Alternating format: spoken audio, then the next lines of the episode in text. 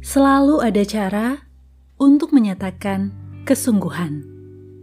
Mulai dari niat, menyambut ajakan, berusaha sekuat tenaga, sampai akhirnya jika memang belum diizinkan terjadi, paling tidak kita sudah berusaha menyatakan kesungguhan kita.